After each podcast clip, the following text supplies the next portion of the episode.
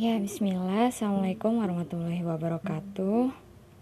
Uh, hari ini tiba-tiba aja ke kepikiran buat ngobrolin tentang sesuatu yang mungkin banyak orang bertanya gitu.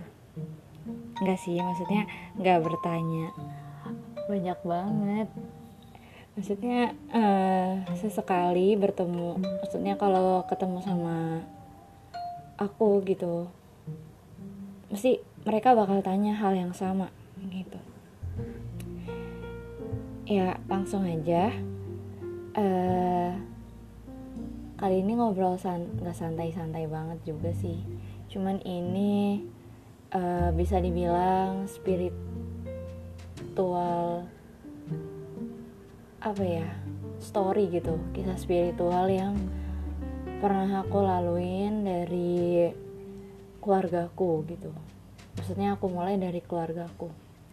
Mungkin banyak orang bertanya e, kamu dari dulu udah paham agama ya Sal? Atau kamu dulu masih sekolahnya Islam dulu? Gitu. Atau istilahnya eh, orang-orang tuh kalau bilang ih kamu mah emang udah paham dari dulu kayak gitu-gitu. Ya udah langsung aja mulai ceritanya. Mungkin ini bakal berpart-part jadi uh, yang kali ini bakal singkat aja. Nggak singkat-singkat banget juga. Jadi dulu itu aku dilahirkan di keluarga yang notabene masih benar-benar belajar untuk agama Islam. Masih belajar banget. Ayah sama ibuku itu bukan orang yang dari dulu udah ngaji di satu tempat gitu enggak mereka itu orang-orang yang mencari hidayah lah istilahnya kalau aku bilang mencari hidayah karena uh, prinsip mereka adalah ketika menikah ya pemahaman agama harus nambah gitu. Dan saat mereka menikah pun uh, hal pertama yang mereka cari adalah mau ngaji di mana kita gitu. Itu obrolan ayah dan ibuku. Ya mereka berdua uh, termasuk orang yang sangat haus akan ilmu agama gitu. Ya terus uh, sering berjalannya waktu mereka tetap mencari tapi berawal dari radio gitu. Karena kan uh, belum tentu juga gitu kan datang-datang ke mana ke mana ke mana gitu. Nah awalnya itu memang ayah dan ibuku itu ngaji di Muhammadiyah. Ya kalian mungkin sebagian banyak orang tahu lah tentang Muhammadiyah. Tapi untuk anak-anak milenial kayaknya nggak tahu deh ini tahu apa enggak ya. Ya, pokoknya Muhammadiyah itu termasuk organisasi Islam besar dan mereka suka bukan suka sih mereka itu banyak mendirikan tempat-tempat pendidikan kayak gitu termasuk sekolah, TPA dan lain-lain. Nah, ibuku itu tinggal dulu di wilayah Muhammadiyah. Dan ayahku itu dulu tinggal di dulunya ya di wilayah NU gitu kan. Ya pokoknya gitulah. Dan kalian tahu NU dan Muhammadiyah itu sangat berseberangan gitu. Uh, secara segi agama. Nah, waktu itu ayahku baru pindah ke uh,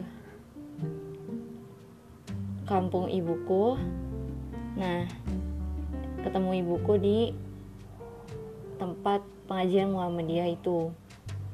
Karena memang notabene masih kayak yang cari-cari ya ya udah yang ngaji di mana aja kan. Ya udahlah kayak gitu pokoknya. Nah terus akhirnya sering berjalannya waktu terus mereka menikah dan lain-lain. E, dan tekad pertama adalah mencarikan sekolah yang terbaik untuk anak-anaknya, terutama di bidang agama. Mau nggak mau, anak-anak itu harus bisa baca Quran. Ngerti lah maksudnya hafalan hafalan surat-surat pendek kayak gitu.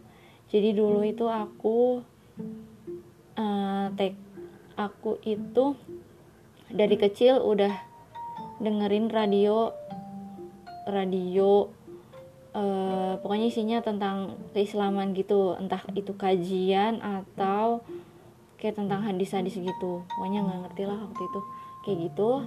Terus seiring berjalannya waktu uh, karena memang apa ya mungkin uh, nasyid adalah salah satu hal yang paling aku suka waktu itu jadi orang tua aku tuh suka banget beli kaset nasyid. Tau kan kaset kotakan gitu yang diputarnya pakai tip gitulah. Nah itu nah itu Izatul Islam Hijaz Ed Kostik lah semuanya lah. Pokoknya itu uh, nasyid-nasyid zaman dahulu kala gitu. Sampai Hadat Alwi juga seneng gitu kan. Udahlah pokoknya itu pokoknya selalu disetel di rumah pokoknya abis kajian pagi-pagi biasanya dengerin AA Gim tuh dari kelas 1 sampai kelas berapa itu ya? Pokoknya ya selama itulah aku uh, memang sudah paham soal agama gitu. Pokoknya lagu-lagu yang disetel udah nasyid aja tuh kan waktu itu. Sampai akhirnya uh, aku masuk kelas SD masuk SD itu di sekolah Hindi SD Islam. Dan memang eh, nggak uh, terlalu ketat sih maksudnya harus pakai kerudung banget enggak enggak gitu juga. Tapi uh, soal pemahaman kayak gitu misalnya sholat dan lain-lain kayak sholat sunnah kan diajarinnya di sekolah bukan pas uh, apa namanya di rumah gitu. Dan terus uh, selama pokoknya selama dari kecil juga udah diterapin. Ya kalau sholat ya sholat. Kayak subuh as eh subuh zuhur asar maghrib isya kayak gitu. Cuman uh, apa ya namanya uh, ayah aku tuh masih yang sholatnya di rumah gitu. Dulu tuh gitu. Masih yang uh, masih suka sholat di rumah lah waktu itu. Belum mengerti ternyata kalau memang laki-laki tuh harus sholat di masjid kayak gitu. Tapi ya kita selalu berjamaah gitu dari subuh. Kalau zuhur kan di sekolah lah ya. Kalau nggak di sekolah berarti ya di rumah kayak gitu. Tapi ya masih main-main gitulah kalau sholat kalau masih kecil kan. Masih SD kayak gitu-gitu. Tapi yang penting sholat pokoknya intinya sholat. Walaupun sholatnya sekilat apa pun yang penting sholat waktu SD tuh. Ya kayak gitulah pokoknya ada di uh, apa dipahamkan seperti itu. Nah berhubung ini tinggal dua menit lagi singkat aja. Dan itu berlanjut sampai aku kelas 6 SD dan kelas 6 SD itu udah pokoknya intinya walaupun aku nggak terlalu gimana banget soal agama waktu namanya juga masih kecil ya nggak terlalu itu tapi aku meyakini bahwa Islam itu agama yang baik gitu. Nah terus uh, waktu itu aku mulai pindah sekolah ke sekolah negeri kelas 4 eh kelas 3 SD semester 2 dan aku melihat di sana banyak teman-teman yang eh, nggak uh, sama sama aku gitu. Mulai dari pakaian secara nggak langsung kan namanya juga SD negeri agamanya pun beda-beda. Walaupun dulu TK aku juga ketemu sama orang-orang yang sama maksudnya beda agama juga banyak gitu. Tapi pas SD ini lebih banyak lah ketemu orang yang bukan seagama sama aku. Dan dari situ aku mulai belajar toleransi bagaimana uh, menghargai mereka sebagai ya mereka juga umat beragama juga kayak gitu.